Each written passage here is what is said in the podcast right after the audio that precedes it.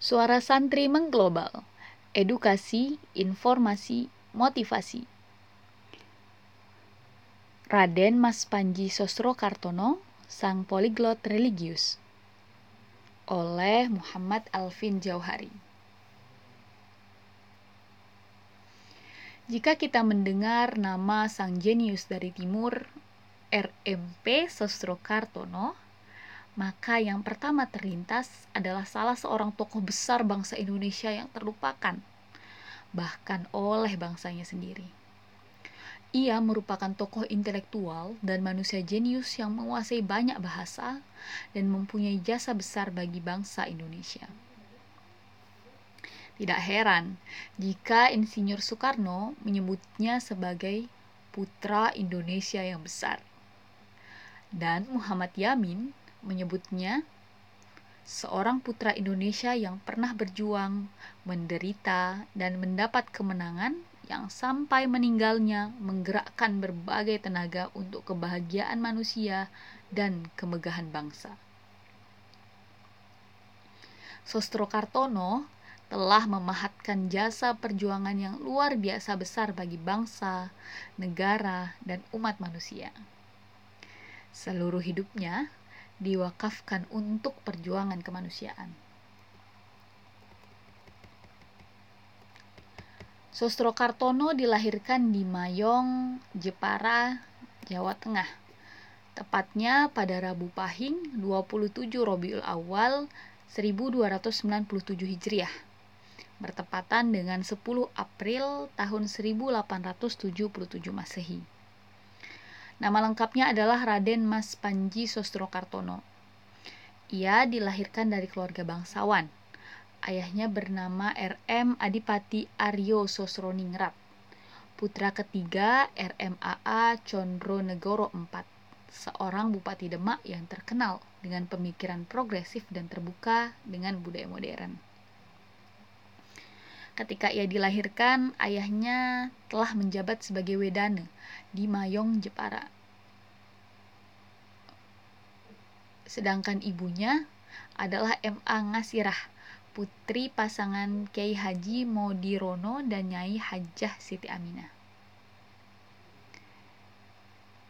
Kiai Modirono merupakan seorang ulama yang mendirikan sebuah pondok pesantren di daerah Telukawur, Jepara sekaligus sebagai pedagang kopra di Mayong.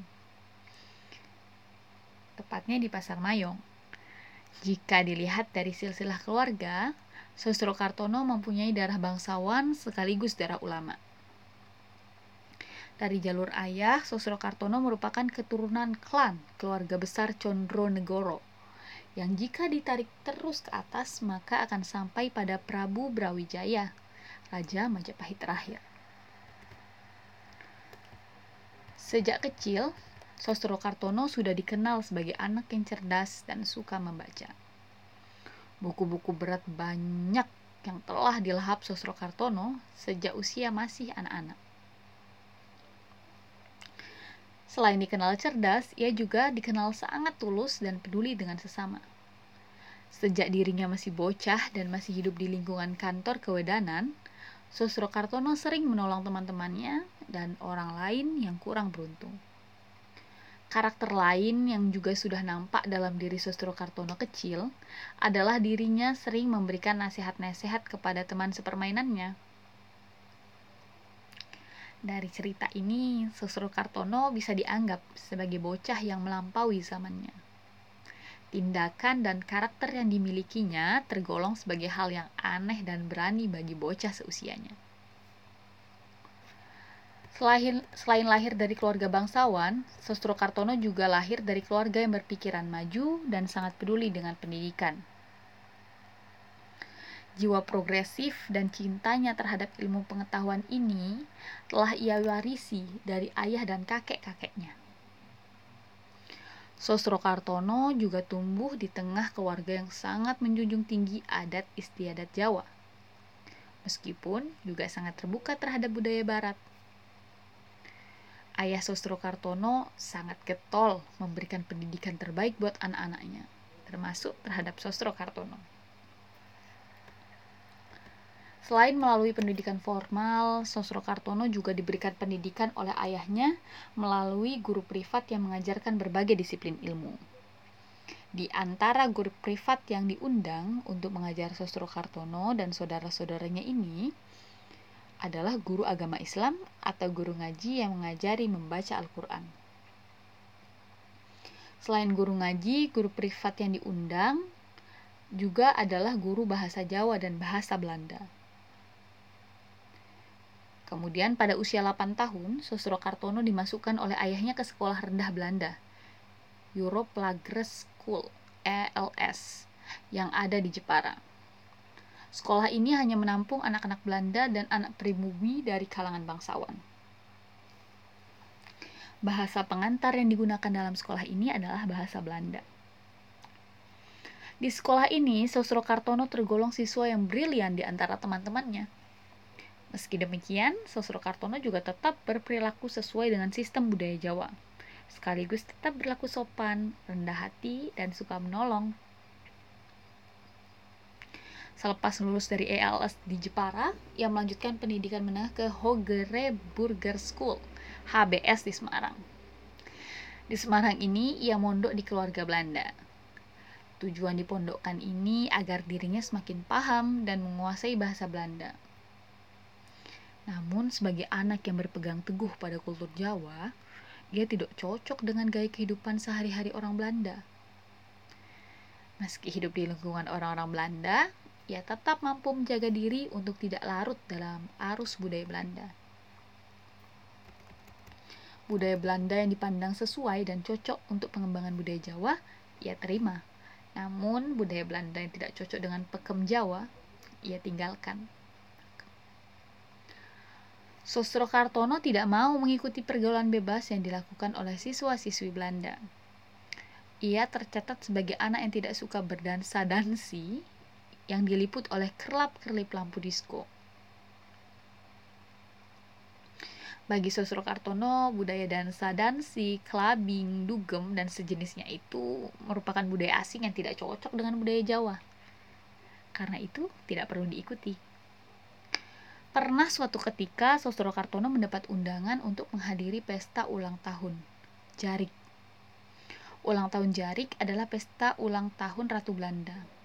Di dalam pesta ulang tahun gaya Belanda tentu berlaku acara-acara bebas gaya barat seperti minum-minum, dansa, dan sejenisnya. Maka Sosro Kartono pun berusaha tidak menghadiri undangan tersebut.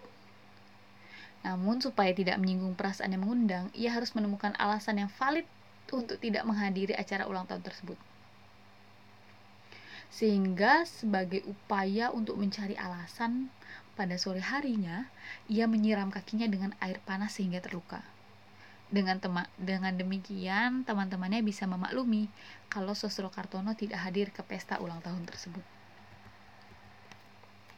Begitu eratnya Sosro Kartono berpegang teguh pada budaya Jawa, tentu sangat langka seorang pemuda yang mempunyai idealisme tinggi seperti Sosro Kartono. Apalagi dirinya merupakan seorang anak bupati. Ia memang pemuda istimewa, termasuk sikapnya terhadap budaya barat. Dirinya tidak anti dengan budaya barat, tetapi juga tidak larut dengannya. Yang dia lakukan adalah mengapresiasi budaya asing yang bernilai positif, konstruktif, dan mampu memperkaya budaya sendiri. Sementara budaya-budaya asing yang negatif dan tidak sesuai dengan pakem budaya sendiri, ia tolak. Dari sinilah Sosro Kartono merupakan sosok pemuda yang inklusif sekaligus kritis. Tidak semua budaya asing ia tolak, juga tidak bu semua budaya asing ia terima. Yang ia lakukan adalah menyaringnya untuk disesuaikan dan digunakan mengembangkan budaya nasional atau lokal. Semasa Sosro Kartono belajar di HBS Semarang, yang ia fokuskan adalah memaksimalkan taraf belajarnya. Ia dikenal sebagai kutu buku. Buku yang dibacanya pun tidak hanya buku pelajaran, namun ia juga membaca buku yang mampu meningkatkan pengetahuannya, termasuk majalah dan surat kabar. Ia juga mempelajari segala ilmu dan disiplin pengetahuan. Buku-buku yang berat dari berbagai bahasa pun ia lahap. baik itu bahasa Belanda, Latin, Inggris, dan tak lupa juga buku berbahasa Jawa. Kitab-kitab Jawa lainnya juga ia pelajari dengan dengan baik yang berisi ajaran keagamaan dan kesusastraan, termasuk buku-buku Jawa tentang wayang. Buku-buku yang ia pelajari inilah yang nantinya juga ia ajarkan kepada adiknya, Kartini. Cerita berlanjut ke episode selanjutnya. Demikian podcast episode kali ini. Saatnya santri mengglobal.